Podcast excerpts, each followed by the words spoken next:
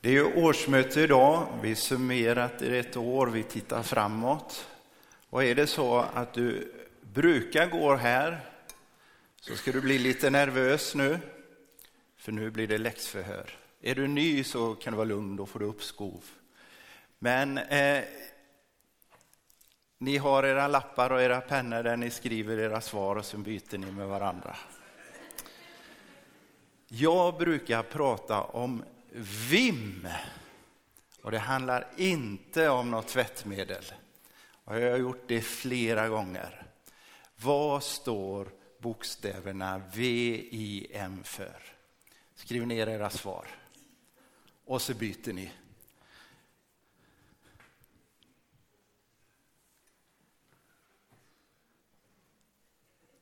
Är ni klara? Nu, kan ni, eh, nu tar vi rätta svaren. V står för vision. I står för intention. Och M står för medel. Är det någon som känner igen det överhuvudtaget eller kan jag ha samma predika varje söndag? Nej, ni känner igen det. Gott. Vi, visionen. Det är ju vad vi längtar efter, vad vi vill ska ske, vad som är vårt mål, vårt syfte, vårt varför. Varför vi gör det vi gör. I står för intention, alltså beslut. Man har en vision. Tänk, jag har hört talas om Gröna hög. Tänk om man kunde få resa dit. Det är att ha en vision. Men sen behöver man ta ett beslut. Jag gör det. Jag ska åka till Gröna hög nästa vecka. Men det i sig räcker inte. Utan sen måste jag ta M, medel. Jag måste tillsätta medel. Antingen apostlahästarna eller så kanske jag skaffar en cykel och cyklar eller så åker jag och tankar bilen och kör till Gröna hög. Alltså VIM. Vision, intention, medel. Och ska någonting ske så behövs alla tre. Det räcker inte med ett eller ens två av dem. Alla tre behövs. Och jag hoppas idag att, att, att ni känner igen det mesta av det jag säger. Men frågan är inte om vi har hört det förut, utan frågan är om vi gör det. Och under hösten så hade jag lite som underliggande tema Eh, från Jakob 1, 22 och 25. Så det här hoppas jag också att du har hört förut. Bli ordets görare, inte bara dess hörare, annars tar ni miste. Den som hör ordet men inte gör vad det säger, han liknar en man som i en spegel betraktar sitt eget ansikte. Han ser sig själv men går, därifrån, går därifrån och har strax glömt hur han såg ut. Men den som har blickat in i den fullkomliga lagen, frihetens lag, och håller sig till den och inte glömmer vad han hört, han blir salig genom det han gör.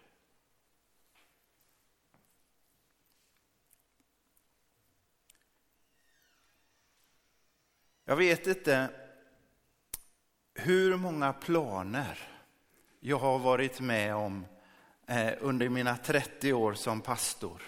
Alltså hur många planer jag har varit med om att, att dra upp. Man har visionerat, man har planerat. Och så får man fram en plan och, och, och man, tar, man har en intention, man tar ett beslut på ett styrelsemöte, på ett församlingsmöte, på ett årsmöte. Men sen tillsätter man aldrig medel. För bara genom att ta fram den här planen så tror vi att vi har gjort det. Och de medel vi skulle använda för att genomföra planen, ja de tar vi för att ta fram en ny plan.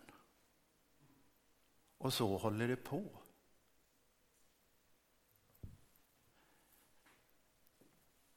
Vi är som spegeltittaren.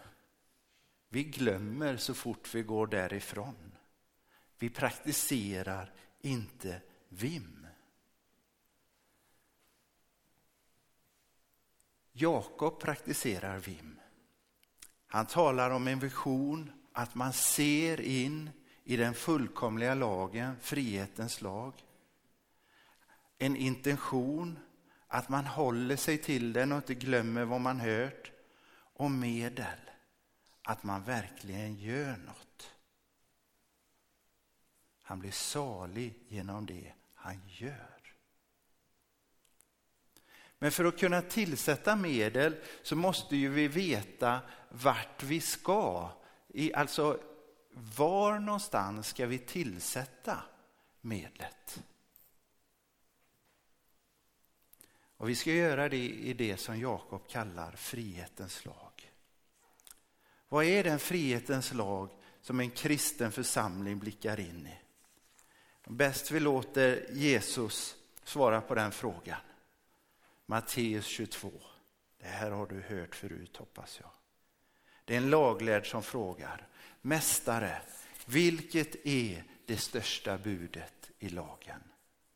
Han svarar honom. Du ska älska Herren din Gud med hela ditt hjärta och med hela din själ och med hela ditt förstånd. Detta är det största och första budet.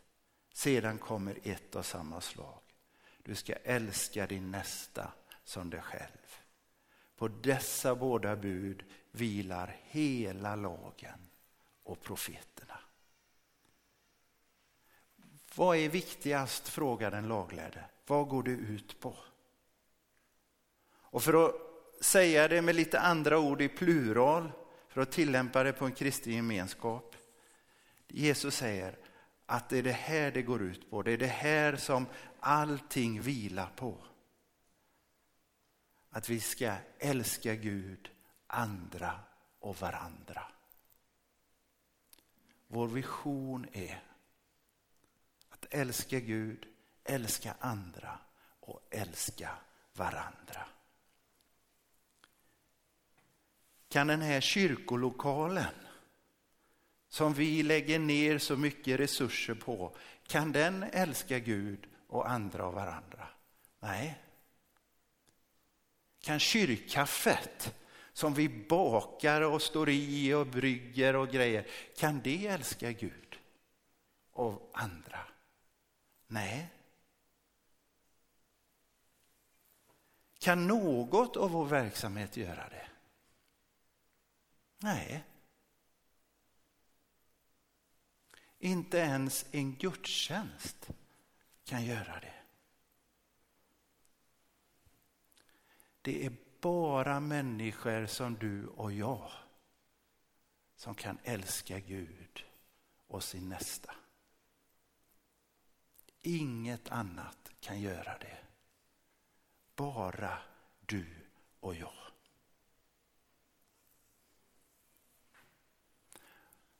När jag säger att det är bara människor som kan älska så har vi lätt att hamna i detta att det handlar om en känsla. Att älska Gud och andra och varandra, det, det, det är någonting man känner. Det handlar inte om känsla. Att älska någon handlar inte om att känna, det handlar om att göra. Man känner inte lika mycket för alla. Inte ens i en kristen församling. Men det är inget hinder för kärleken. Vi säger att kärleken kommer och kärleken går. Det är inte sant. Känslor kan komma och gå. Mina känslor för min fru, de kommer faktiskt och de går.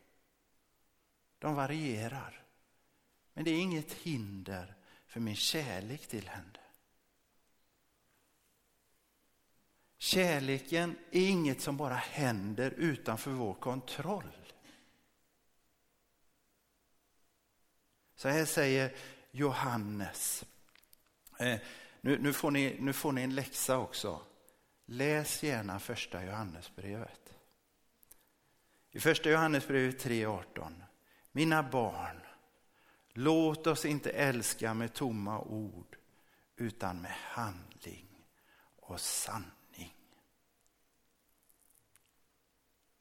Vet ni, jag satt på café och förberedde mig igår och då sitter jag och pratar med gubbarna där och de är väl inte de mest fromma jämt. Men då sa du som är pastor, du, det är du för du står över alla andra. Och så gör alla andra som du säger. Och visst är det sant. Jag höll med dem fullständigt. Låt oss inte älska med tomma ord utan med handling och sanning. Kärleken manifesteras i medvetna handlingar oavsett vad vi just då känner. Så därför, kyrkolokalen som håller människor torra och varma. Städningen som gör att vi kan vara här och trivas här. Kyrkfikat som inte bara är gott utan hjälper oss att mötas och prata. Allt det är kärlek i handling och sanning. Det är människors kärlek i handling och sanning. För kärlek är någonting man gör. Och Det har kommit till min kännedom att inte alla i församlingen känner vällustkänslor när det är dags för ens vecka att städa och ha kyrkkaffet. Kan ni tänka er, inte alla gör det. Men oroa dig inte, för ska jag spetsa till det så är kärleken som störst när vi gör det fast vi känner det som minst. Kärlek är någonting vi gör. Vi vill varandras bästa. Vi vill hjälpa andra och varandra att leva i en rätt så krånglig värld. Har vi några från ansvarsgruppen här inne nu eller är ni ute och grejar? Där har vi någon, där är några. Och vi har en som sitter vid ljudet och vi har en, en körledare och en mötesledare och, och allt vad det är. När ni har städat, fixat och donat med kyrkkaffet, tagit fram alla noter och förberett sånger och sitter och meckar med ljudet som inte riktigt lyder. Så har ni inte gjort det för att församlingen ska fungera. Ni har inte ens gjort det för att gudstjänsten ska fungera. Ni har gjort det för att vi här ska fungera. För att vi ska kunna komma samman och älska Gud och varandra. Så tack. Tack för er kärlek. Kärlek i handling och sanning. Tack för att ni ger, för att ni tillsätter medel så att visionen blir verklighet. Att älska Gud andra och varandra. Och Det handlar ju om en växelverkan. Ibland är vi mottagare, ibland är vi givare. Men ibland glömmer vi också vårt varför, varför vi gör det. Då blir det tyngre. För då känns det som att, att vi bara är till för att få en verksamhetsapparat att fungera för sin egen skull. Alltså allt det som skulle vara medel som skulle sättas in för att visionen skulle bli verklighet, att älska Gud, andra och varandra. Det, det som skulle vara medel för målet, det blir målet i sig. Hur många har sett filmen Jesus Revolution? Det, är många. Och för er andra eh, så, så Eh, det här är min favoritscen i filmen. Det handlar ju om hur Jesusrörelsen kommer i slutet 60, början 70-talet i USA. Och eh, eh, det blir en väckelse och där många hippies kommer till tro. Eh, och de här hippisarna de är ju barfota, det ingår i varumärket och inte alltid helt rena. Och nu börjar de komma till en kyrka där pastorn har öppnat. Och, och eh, församlingsmedlemmarna börjar bli oroliga och tycker inte de ska komma. Varför? Jo, för precis som vi har de skaffat en ny matta. Och hur ska det gå med den mattan när folk kommer med sina skitiga fötter? Ursäkta, i församlingen säger man inte skit i sina smutsiga fötter.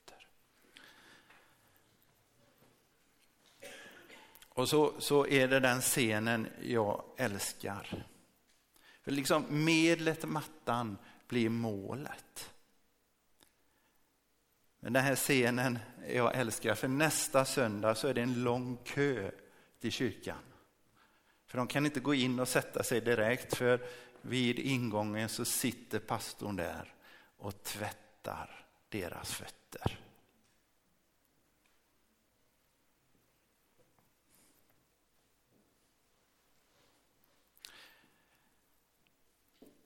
Hur ofta är vi på väg att hamna där, där den församlingen gjorde eller delar av den? Glöm inte, som spegeltittaren gjorde, glöm inte vad du har sett. Att du fått blicka in i den fullkomliga lagen, frihetens lag. Mattorna är till för fötterna, inte tvärtom.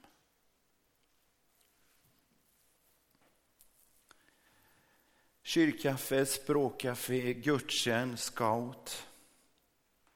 Alltså alla våra verksamheter är ju menade att vara medel för vårt mål att älska Gud och andra och varandra. Och det är gott så. Men det kan också bli en onödig energikrävande omväg.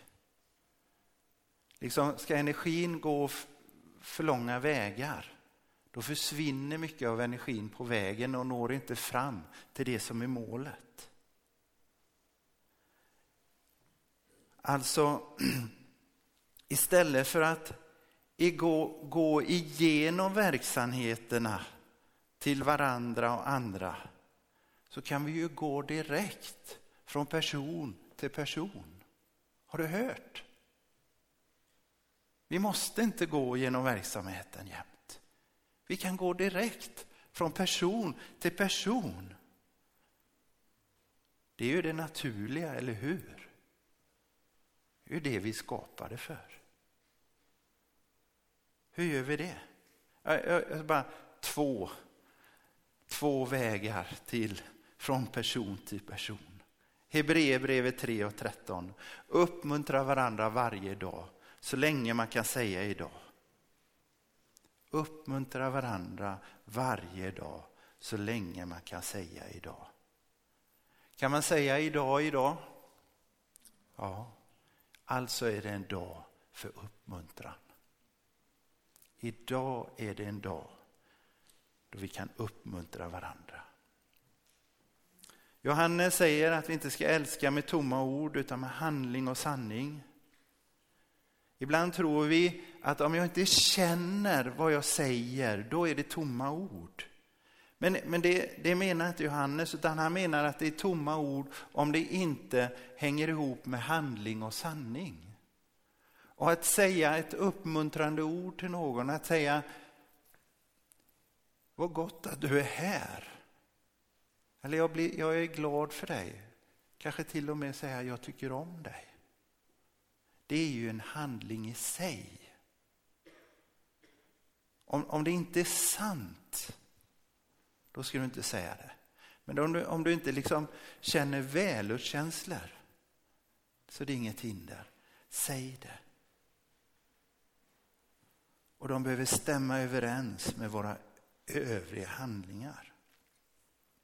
Så det är två saker jag vill att vi ska öva oss i inför året som kommer. Att säga gott till varandra. Och tala väl om varandra. Det innebär inte att vi ska sopa under mattan eller måla upp fasader. Är det någonting jag har haft svårt för under min tid som kristen, och det är ett antal år, så är det frikyrkofasaden. Ska jag vara ärlig så avskyr jag den. Jag avskyr den.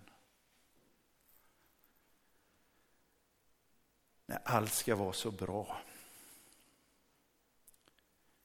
Men är det inte så när vi sätter upp en fasad för att det dåliga inte ska komma ut? innebär det inte också att vi hindrar det goda från att komma in?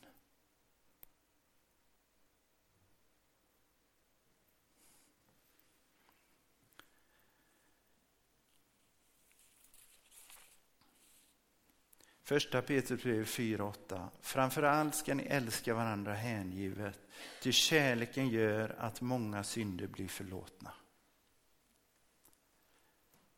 Det står inte älska varandra hängivet för då blir allt perfekt. Nej, utan det gör att många synder blir förlåtna i en trasig, operfekt tillvaro. Så det första direktmetoden, tala gott till varandra. Det andra Samtidigt som verksamheterna är menade och ska vara medel för kärlek till Gud, andra och varandra, så måste vi också erkänna att frestelsen finns att vi gömmer oss bakom dem. Så vi slipper det här med direktkontakten. För det kan ju vara lite jobbigt. Jag kanske behöver gå utanför min bekvämlighetszon. Så vi fixar en verksamhet och så Sätter vi in en annons och sätter upp en affisch. Och gott så, men det fungerar inte speciellt bra. Det fungerar inte speciellt bra.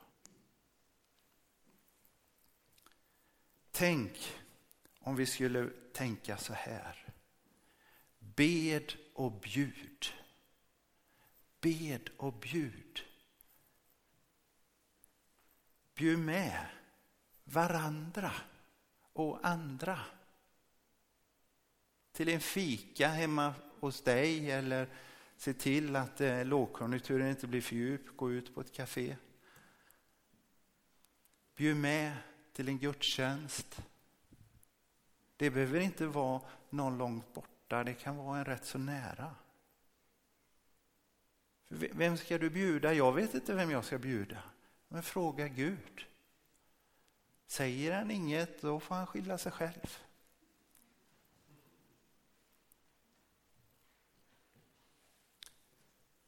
Men får du en tanke, så gå på den. Gå i tro. Och bjud och fortsätt att be. Man kan bli besviken. Folk säger nej, för folk säger att de ska, jag kommer och så kommer man inte. Men ge inte upp, fortsätt att be. Nu ska vi landa. Vim. Visionen älska Gud, andra och varandra. Vill du vara med? Då behövs din intention. Ditt och mitt beslut. Och för att det ska bli verklighet så behöver vi tillsätta medel. Och när det handlar om att älska Gud och andra och varandra så är det du och jag. Vi är medlet. Vi är medlet. Men varifrån ska vi få kärleken då? Ja, vi får gå till källan. Första Johannes 4. Kom ihåg, läs första Johannesbrevet. Mina kära, låt oss älska varandra, ty kärleken kommer från Gud och den som älskar är född av Gud och känner Gud. Men den som inte älskar känner inte Gud eftersom Gud är kärlek. Så uppenbarades Guds kärlek hos oss. Han sände sin enda son till världen för att vi skulle få liv genom honom. Detta är kärleken. Inte att vi har älskat Gud, utan att han har älskat oss och sänt sin son som försoningsoffer för våra synder. Kärleken kommer från Gud. Det här är källan. Och den kommer till oss genom Jesus på korset. Och den är hos oss genom den helige Ande. Romarbrevet 5 och 5. Guds kärlek har ingjutits i våra hjärtan genom att han har gett oss den helige Anden. Så vill du vara med att älska Gud, andra och varandra. Vi gör det tillsammans. Vi gör det tillsammans. Amen. Då sjunger vi psalm 37.